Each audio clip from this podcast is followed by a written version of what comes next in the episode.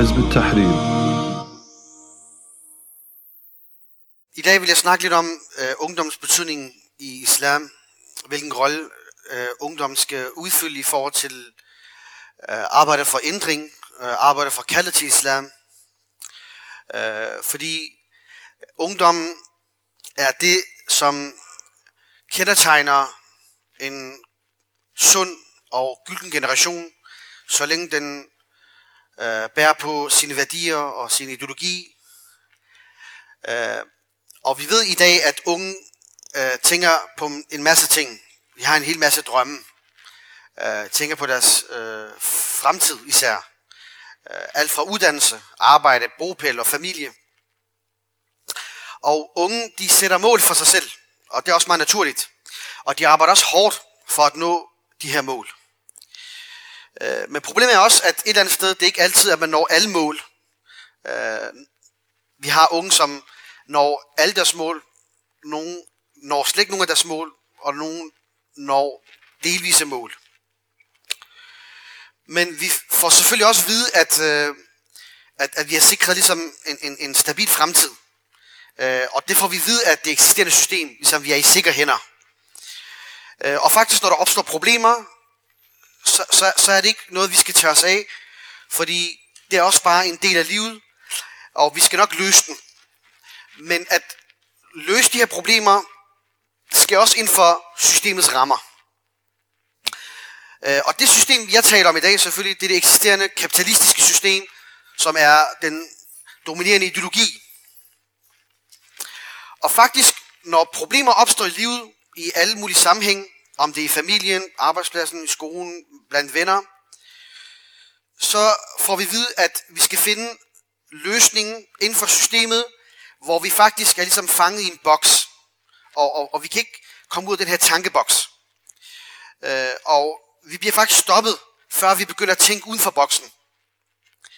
Og øh, det er til sådan en grad, at de problemer, der opstår, de udfordringer, vi oplever som unge, det bliver også gjort individuelt. Jamen, der er noget galt med mig, eller så er der noget galt med min chef, eller min lærer, eller øh, mine venner, eller mine forældre, eller hvad det nu er.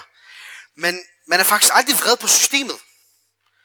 Fordi at systemet har fået os til at tænke individuelt, og tænke løsninger inden for systemet, og at problemet er bare et spørgsmål om, hvad du oplever, og hvad der opstår blandt individer omkring dig, men aldrig det eksisterende system. Der må du ikke stille spørgsmålstegn. Og hvis vi begynder at gøre det, fordi vi begynder at tænke anderledes, vi bliver mere kreative, øh, der er nogen, der måske husker i os, der påminner os om, at det faktisk systemet, der grundlæggende er noget galt med. Jamen, så bliver vi kaldt sådan øh, urealistiske, og nogle gange sådan ekstremistiske. Og alt det her, det er faktisk systemets mekanisme for at beskytte sig selv. Og systemets forkæmper, de vestlige regeringer og regimer i de muslimske lande, de gør alt det her for, at vi skal have tillid til det eksisterende system. Det sekulære, liberale, kapitalistiske system og dens værdier. Så vi netop ikke tænker på andre alternativer, som faktisk ligger dybt ind i vores øh, overbevisning, vores værdier, nemlig islam. Nu, når vi begynder at bevæge os uden for den her boks øh, og tænke uden for systemet, så ser vi mange gange til, tiltag, vi ser mange gange øh, nogle forsøg på at øh, få os tilbage på, øh, lad os sige, ifølge dem rette spor, så vi tænker igen inden for boksen. Og det sker på forskellige måder. Antiradikaliseringsprogrammer. Øh, det kan være tvangsdemokratisering af muslimer, af ytringer og holdninger.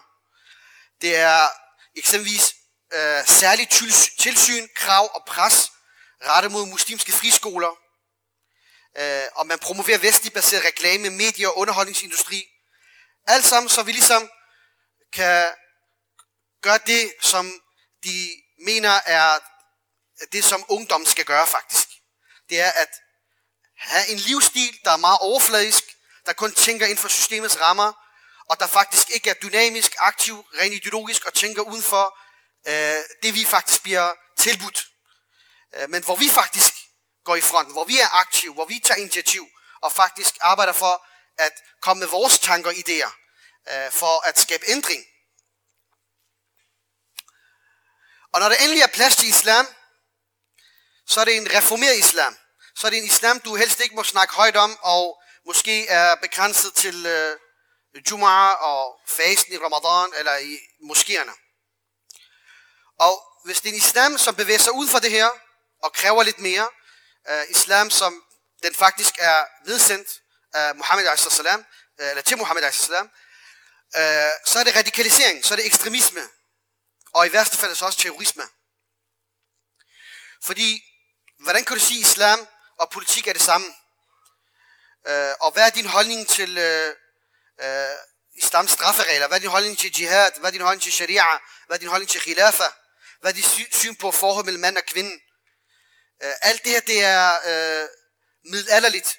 Og mænd og kvinder, de er, øh, hvad hedder det, de er ligestillet, og at der er ikke et problem med at have et forhold uden for ægteskab og sådan nogle ting. Alt det, der normalt bliver tilbudt ungdommen. Og, og selvfølgelig, de unge, der også er ramt af de her tanker og de her forsøg på at fravastre øh, islam og, og den islamiske identitet, det skaber selvfølgelig nogle faldegrupper, det skaber nogle konsekvenser i form af, at, at, at du har en ungdom i identitetskrise eller imankrise. Alt sammen fordi at islam bliver bekæmpet, og islam er desværre for nogle muslimer en lille sag, eller noget, som ikke skal fylde for meget. For det er det, man får at vide af omgivelserne. Fordi man vil helst ikke blive øh, stemplet som øh, ekstremist, eller som en, der er mærkelig. Okay. Det vil sige, at mange muslimer og unge kom derfor til at blive ramt af de samme problemer, som faktisk mange vestlige unge, unge også lever. Øh, det vil sige, at et, et, et, et udgangspunkt, der hedder, at det her liv er bare noget, som der skal nydes, og alle de ting, der opstår af problemer hen ad vejen i, i, den, i den her kamp for at nyde, det er noget, som det, det eksisterende samfund nok skal tage sig af. Selvom det blot har skabt større problemer og kriser. Derfor er, er, er ungdom ramt af, af sådan en spiral, eller kommet ind i sådan en spiral, hvor problemer avler problemer. Og når man skal finde løsning, så er det igen en del af problemet. Fordi det igen er det omgivende samfunds holdninger og, og det system, der eksisterer, som kommer med de her løsninger, og som igen er faktisk kilden til de problemer, man oplevede i, i første omgang. Ovenikøbet så blandede de sig også i muslimernes land. Den her ideologi og de her vestlige stater med deres kolonikrige og ved at støtte regimer og diktatur i vores lande, som skabte sådan en generation, der føler sig fortabt. En ung generation, som ikke har håb for fremtiden. Og det er blevet berøvet alle mulige håb og, og, og øh, hvad det, idealer og et meningsfyldt liv.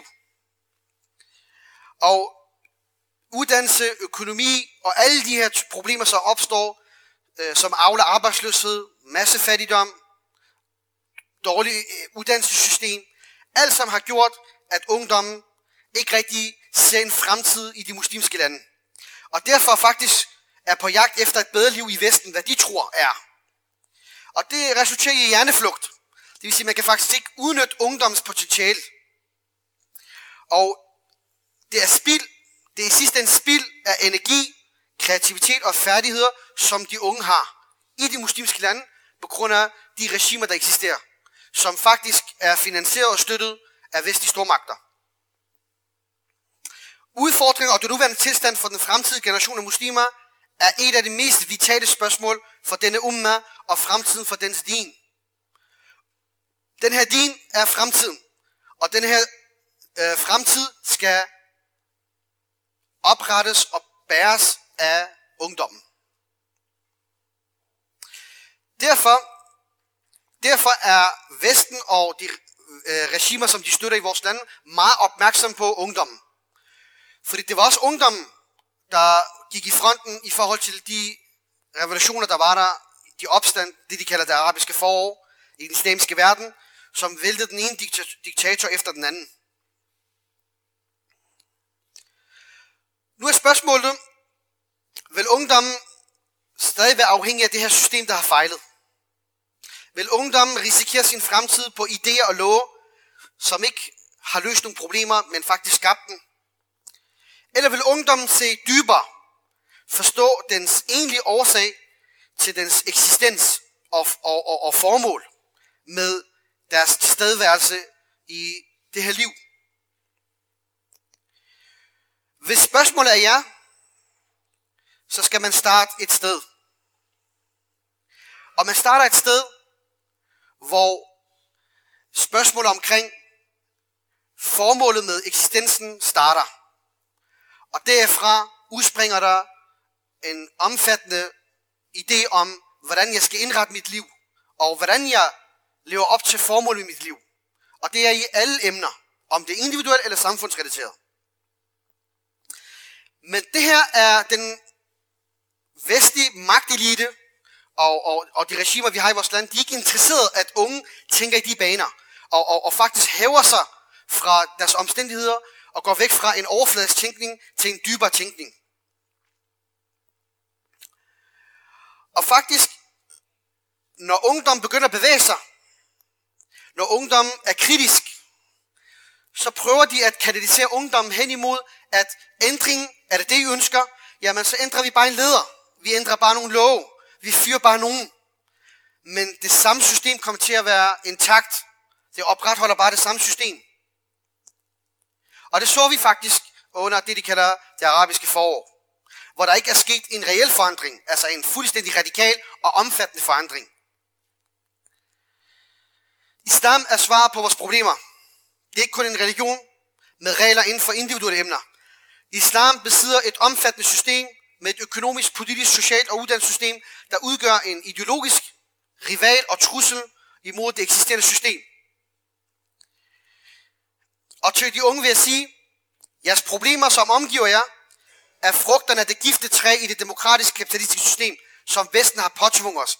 Kapitalismen er et system, hvor materiel livsstil og konstant forbrug er det eneste mål, som sikrer, at pengene og magten er koncentreret i hænderne på nogle meget få mennesker.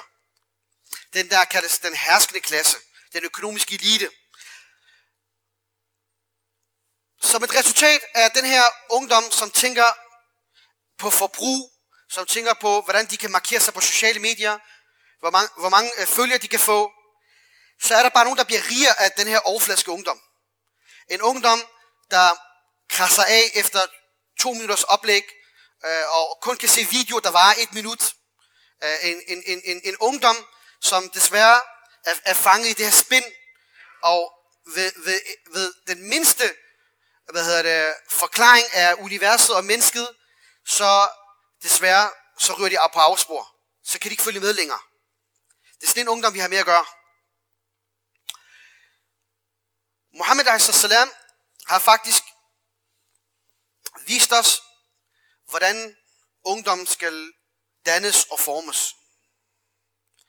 I århundredet var den muslimske umma den førende nation. Khilafa-staten var den førende stat inden for alle områder, om det tanker, videnskab, økonomi, industri og militær. Og oftest så var det ungdommen, der var årsagen til det.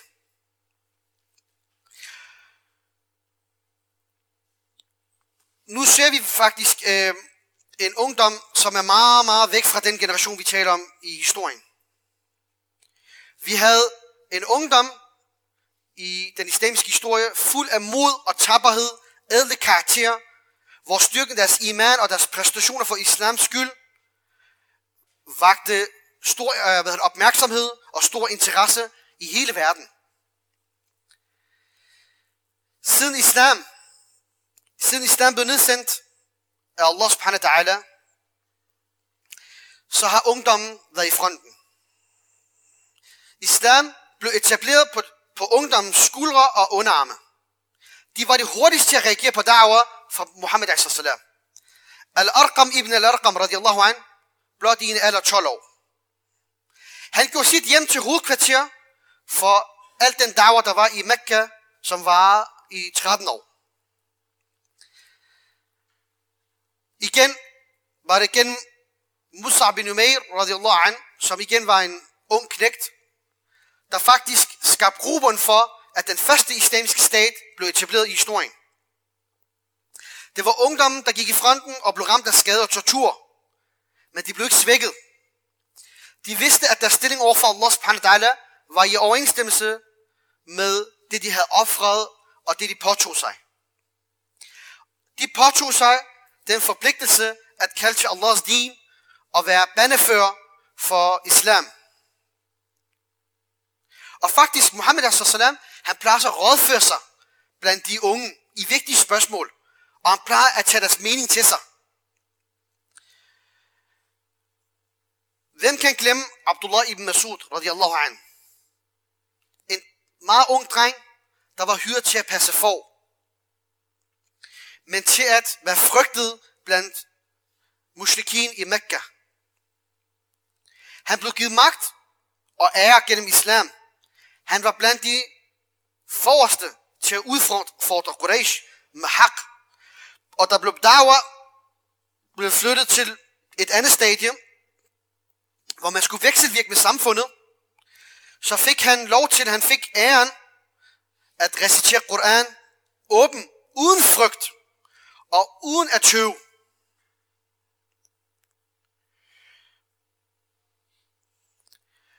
Sahaba, de offrede deres rigdom, de offrede deres ungdom, de offrede deres ejendom, de offrede alt for den her din. Disse unge fra den første generation, de var årsag til, at islam og hak blev udspredt, der erobrede landet, der gjorde, at vores forfædre, de konverterede til islam, der gør, at vi kan kalde os muslimer i dag. Igen er det også årsagen til, at mange af os har en vis portion af viden inden for islam, som mange gør brug af for at praktisere Allahs din. Blandt andet har vi Imam Shafi, rahmatullah alayh, en af de største lærte i denne umma. Han lærte Koran udenad blot som syvårig. Han var en mustahid, en lært med evnen til at udlede lov og løsninger fra Koran og Sunnah. Og det gjorde han faktisk kun i en alder af 14 år. Det vil sige, at Imam Shafi var mustahid som 14-årig. Og senere hen, nogle år efter, igen som ung, så skrev han den første usul fiqh-bog, Risala. En bog, der præsenterede en disciplin af målstok, af, af principper og retningslinjer, øh, grundlæggende set, for hvordan man udleder islamiske love og løsninger fra de islamiske tekster. Historien om denne umma er igen glorificerede præstationer af unge som Muhammad al-Fatih, som i en ung alder af 21 opfyldte Muhammad al-Salams nyhed om, at muslimerne vil besejre romerne og øh, hvad det, erobre Istanbul og gøre den til hovedstaden i islamisk stat. Eller Tariq bin Ziyad, som erobrer Spanien som 17-årig. Eller Muhammad bin Qasim, der besejrede Raja Dahir for at lægge et solidt fundament for islam på det indiske subkontinent. Og muslimer, det er jeres vigtige historie. Det her det er ungdommen, som burde være et forbillede for andre unge, og i det hele taget alle.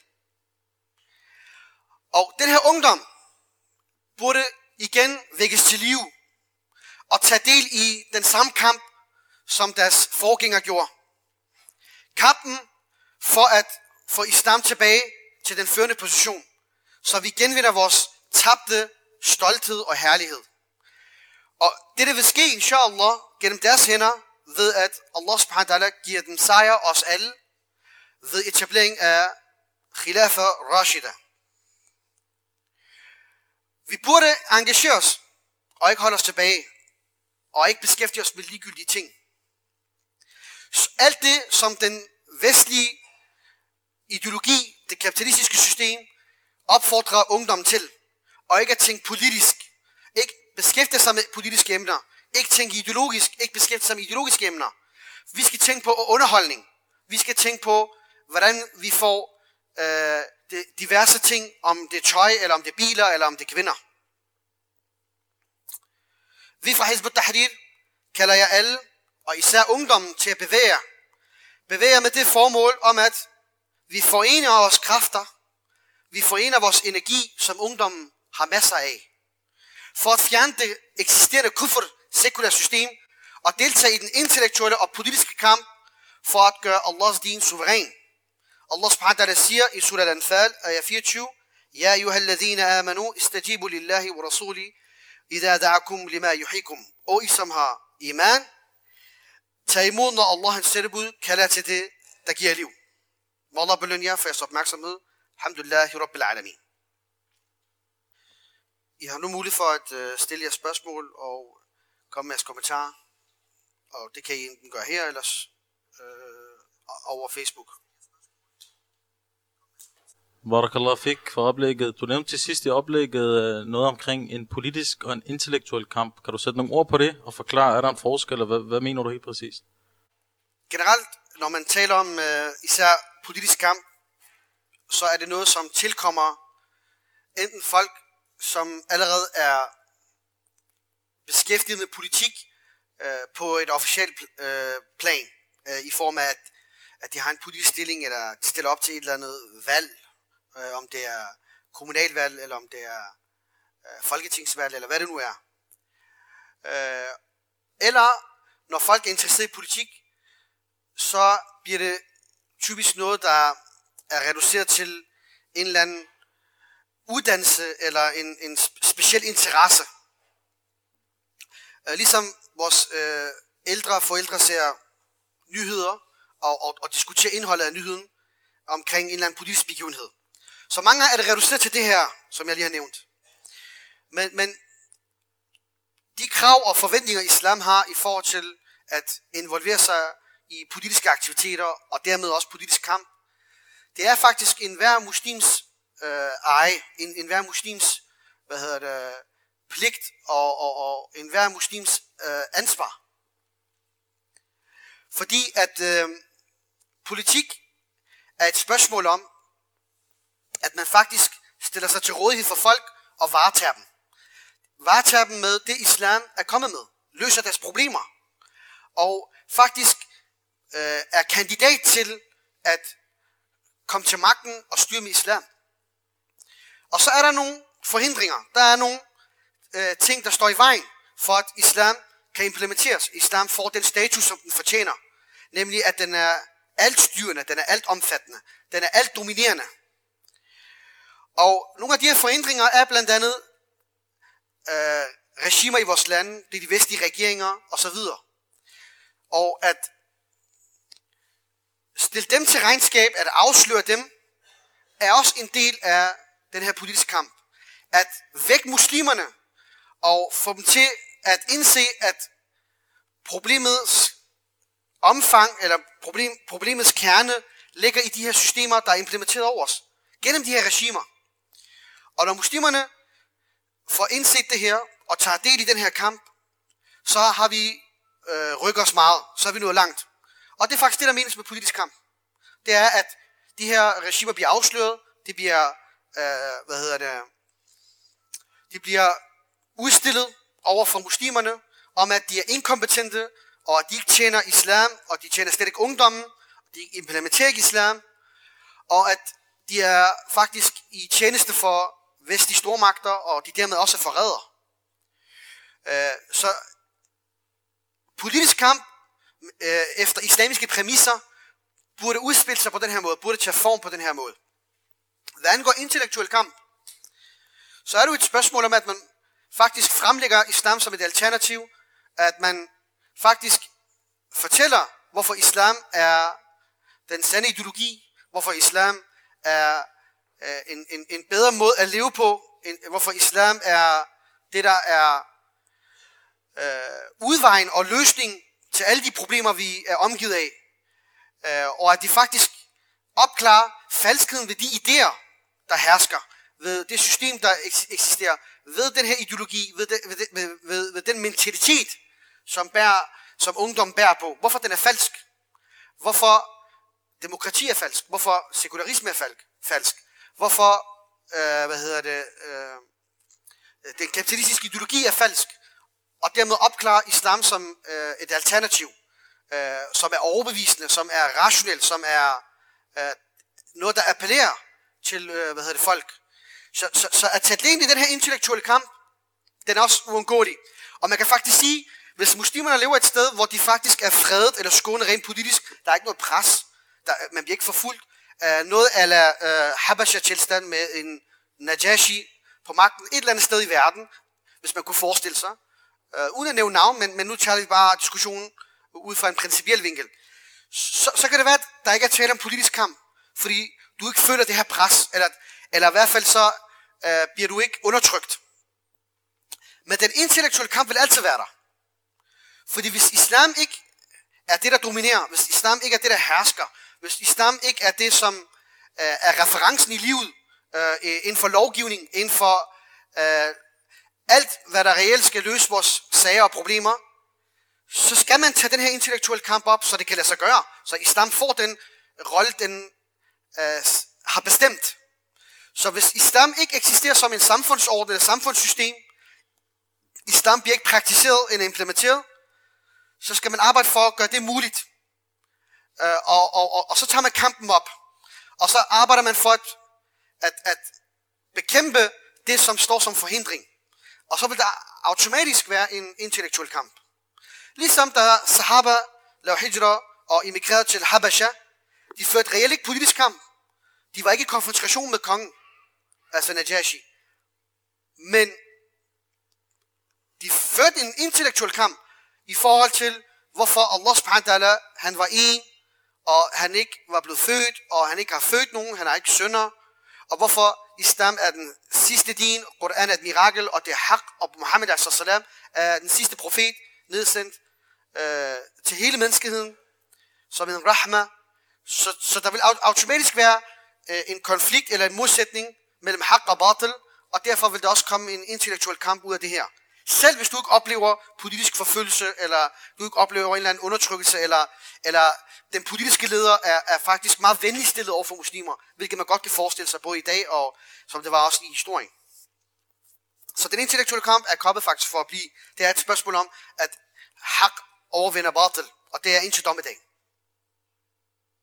Jeg har et spørgsmål i forhold til under oplægget. Du nævner, at øh, det her system, det føder personligheder, der er intellektuelt dogne, ikke gider at tage den her kamp op, og ikke gider at deltage i det politiske liv osv.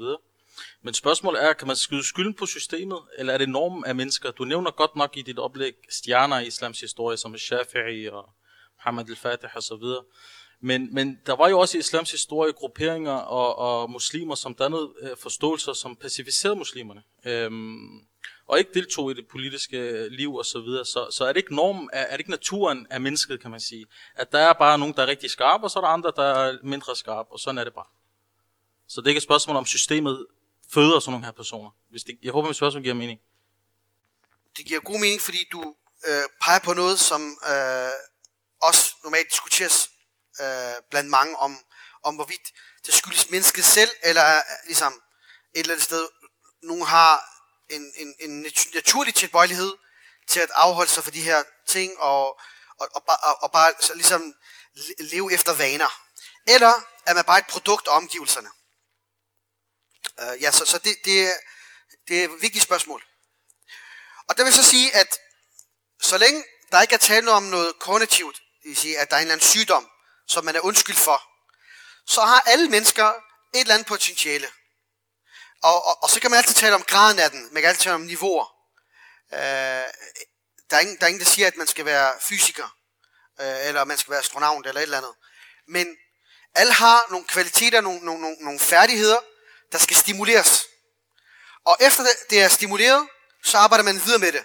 Og så kan der komme noget efterfølgende, biologisk, kognitivt, der står som forhindring senere hen.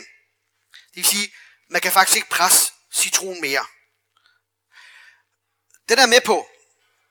Men hvordan kan det være så stor overflod af mennesker, øh, der, der, der tænker meget sådan i, i, i de her baner, der hedder overlevelse, øh, eller øh, hvordan man kan øh, hvad hedder det, vise sig selv, så man får anerkendelse, og, og, og, og hvordan man kan spille smart, øh, og hvor meget man faktisk kan øh, nærmest øh, dumme sig på sociale medier, og så få en hel masse øh, følgere.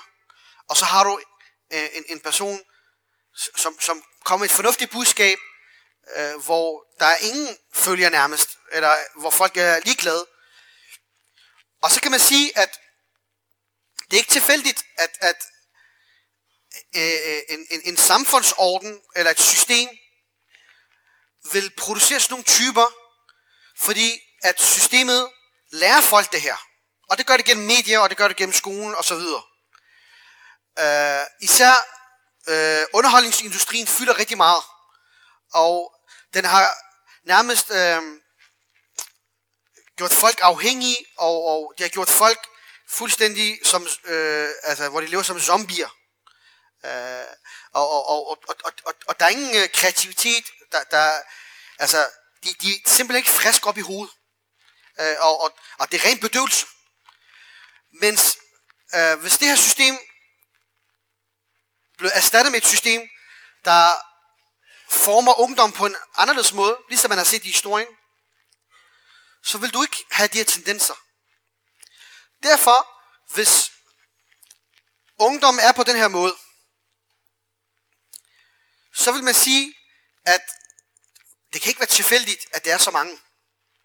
Så hvis en enkelt person, han afviger, eller han foretager noget, der er fuldstændig øh, unormalt, så vil du sige, det er, hans, det er hans skyld. Men hvis flertallet gør det, så er der noget galt med samfundet. Så er der noget galt med systemet. Og sådan er det på mange måder. Så hvis forbrydelser, hvis øh, hvad hedder det, afvielser, hvis abnorme øh, tendenser og livsstil eksisterer hos den enkelte person, så vil du sige, at der er noget, der er noget galt med ham. Og den er med på. Men hvis det eksisterer nærmest hos alle, og det fylder så meget, så er der et eller andet galt med øh, værdierne, normerne, kulturen og det eksisterende system og det omkringliggende samfund. For det kan ikke være tilfældigt, at det er på den her måde. Knivstikkeri blandt unge hver uge nærmest. Overfald, øh, indbrud, hashmisbrug, helt ned til 13-14 års alderen, har jeg læst mig til. Altså det er voldsomt, hvad, hvad ungdom lider af. Øh, ungdom, der ikke kan lide at være sammen med sine forældre. Ungdom, der ikke øh, hvad hedder det, bryder sig om, om at lave noget i det hele taget. Altså skole, arbejde, intet. Det er ren og skær bare øh, efterlevelse af sit eget ego. Altså forfærdelig generation. Virkelig. Som er på afgrund. Og det er både muslimer og, og, og kuffar, der ramte det her. Der er et spørgsmål fra Facebook, som lyder, Salam alaikum wa rahmatullahi wa barakatuh, alaikum salam wa rahmatullahi wa barakatuh. Hvad kan man som ung muslim gøre, for at begynde med at tage fat i det, det kald? Fordi man bliver fristet af den her dunia. Altså i, i, i, i virkeligheden så er det jo et spørgsmål om, at man først og fremmest øh, organisere sig. Jeg mener, det at man tager fat i folk tilfældigt, øh, det kan man prøve, men, men, men, men øh, man kan sige, lige lidt giver det af resultater. Hvorfor? Fordi at du har så at gøre med øh, en, en, en, en ungdom, der er, er ramt af de her problemer i så stor et omfang, og det overflod, at, at kunne klare den her kamp alene, den er svær. Derfor er man nødt til at organisere sig. Det vil sige, at, at for det første, at man også øh, kan sprede kræfterne, og, og man kan planlægge bedre, men samtidig med, at de unge, man også tager fat i, kan blive en del af et fællesskab. Fordi det er også det, der mange gange øh, er noget, som øh, de herefter, de, de, de søger.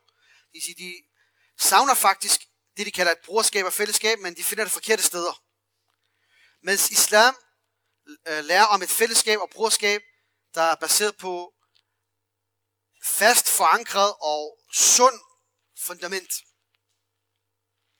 Ikke hvor man dolker hinanden, ikke hvor man sælger hinanden, ikke hvor man øh, dør for en sag, der i sidste ende kun vil føre til fortrydelse. Så at tage fat i unge skal ske gennem et organiseret arbejde. Og det er derfor, vi stiller os til råd i øh, vi i Hizb Tahrir. Det er det ene. Det andet er, at er det så også løsningen i sidste ende? Det er det faktisk ikke engang. Fordi når du har at gøre med en, en, en, en øh, samfundsepidemi, så er du op mod noget meget stort. Du er mod institutioner. Du er mod en herskende kultur. Du er op imod en industri, som faktisk øh, rammer flere end hvad du gør som enten en, et individ eller som en gruppe. Du vil aldrig nå dertil. Øh, du, du, du er kun med til at måske påvirke dem, der er tæt på dig. Dem, dem der er øh, i, i dit lokale område. Og selv det er nogle gange også en udfordring. Mens du har en stat, et system og nogle institutioner, der rammer millioner. Så hvad vender det tilbage til? Og så er det ikke en overraskelse, at jeg så siger, at så er vi nødt til at, at have sådan en ligevægt, en, en balance, som, som, her, som hedder, at vi er nødt til at arbejde for, at, at der kommer nogle andre institutioner. Der, der kommer en anden stat, der kommer en anden kultur, der hersker nogle andre værdier. Der, der, der er en anden industri, som, som i sidste ende vender tilbage til det, som islam har forpligtet os til. Det er at etablere det islamiske system, khilafa, så ungdommen kan blomstre på nyt igen. Så, så, og det er i sidste ende det, øh, den ultimative løsning. Men, men ikke hermed sagt, at fordi at den her stat ikke er til stede, det her system ikke er implementeret, så er vi nødt til at læne os tilbage og trille tommefinger. Det siger jeg ikke. Men jeg mener bare, at den endegyldige, den sidste løsning, som, som, som gør det af med det hele en gang for alle, øh, og, og, og, og, og som faktisk tager mere bredt fat om øh, problemet, på grund af problemets omfang, kan kun ske gennem en stat. Og, og dermed ikke sagt, at man så skal være passiv omkring, hvad der foregår en. Om det er som individ eller som, som en gruppe. Selvfølgelig skal man stadig øh, være aktiv og, og, og, og stadig tage fat øh, i, de, i de unge. Og når man så tager fat, hvad, hvad er det så, man så øh, ligesom bringer op? Hvad er, det, hvad er det, man i virkeligheden skal behandle? Og der vil, der vil så mene, at, at muslimerne mangler en, en, en vis tillid til den islamiske akida, som er, at den første fremmest er sand, og ikke bare teoretisk, at den er sand, men at man reelt kan sætte ord på, hvorfor den er sand. Der skaber en vis form for stolthed. Også fordi, at der er mange hyæner, der er mange fristelser, der er mange uh, trusler imod den her akida og den her identitet. Og hvor ungdommen faktisk er på barbund og magtesløs, når de hører teorier som uh, evolutionsteorien, eller, eller Big Bang, eller, eller uh, al den tilfældighed og sådan nogle ting, og som man lærer gennem skolen og sådan noget, så, så skal ungdommen være udstyret med, at, at islam er faktisk det, der kan bevises som er en, en, en, en, en sand øh, overbevisning og, og, og, og et sandt livssyn. Og det kommer gennem de her argumenter, der skaber en, en motivation, gejst og stolthed blandt ungdommen. Så, så, så det her fundament skal, skal først lægges. Og når den er lagt, så skal man arbejde videre på, at, at som jeg sagde før, at, at skabe et fællesskab, en, en, en, en følelse af, at man er en del af noget større og at man faktisk ikke er efterladt til sig selv. Fordi det, det, det er også meget unaturligt, at en person øh, lever bare isoleret og, og, og adskilt fra andre mennesker. Så vil han ikke kunne vedligeholde den her overbevisning. Så vil den blive tilsmuset, den vil støves til, og, og den vil være ineffektiv. Øh, fordi den skal netop fremprovokeres og stimuleres fra hans omgivelser. Så stærkt, solid fundament i form af Øh, en, en overbevisning, der er urokkelig, der kommer gennem rationelle argumenter og udfordrer andre teorier, andre livssyn og ideologier, samtidig med, at man føler, at man er en del af noget større. Det vil jeg mene, at, at, at, at, at nogle punkter, der burde tages op, og, og, og, og man tager fat om, når man endelig henvender sig til øh, unge og folk omkring sig. Jeg vil gerne tilbage til spørgsmålet omkring dogenskab. Øh, og mennesket er født doven, og det her med, at man kan sige, at det er samfundets skyld, at nationer ligger i en, en form for bedøvelse. At det, det er selvfølgelig kendt fra Sendebud sallallahu alaihi wasallam, at han plejer at lave dua mod al-ajiz wal som er øh, afmagt eller mangel på vilje og dogenskab, da det er menneskelige tendenser. Men der er forskel på det, og at øh, en kultur, en civilisation udmærker sig i øh, ligegyldighed, leg og lal. Yani flere steder i Koranen, så snakker Allah subhanahu wa ta'ala om nationer og samfund, som øh, er i en tilstand af det her med leg. Men man må sige, at den vestlige kultur har udmærket sig på en måde, som ikke har været set i menneskelig historie før. At, at øh, man på den ene eller anden måde har bedøvet nationer øh, til en grad, og en underholdningsindustri, som er i bedste velgående, er selvfølgelig en af de ting, man har udmærket sig i. Hvorfor? Jo, fordi man har brug for det.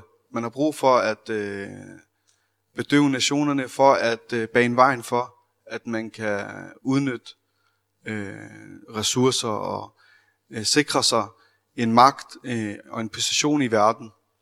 Øh, og det, det kan kun ske, hvis man øh, får succes med at øh, bilde egne befolkninger ind, at øh, de er i en tilstand af øh, lykke og at alt er godt. Men det skal også være, øh, altså det skal også være sagt, at en hver nation øh, har nogle målsætninger og en mission jo.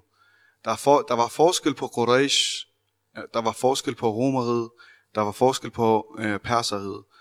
En hver nation har nogle ambitioner, og Quraysh, som var arabernes øh, central, øh, beskæftigede sig med handel, og, og det som de havde allerhøjst på dagsordenen var, at øh, de var en, en form for handelscenter, øh, og det var så det, de udmærkede sig i.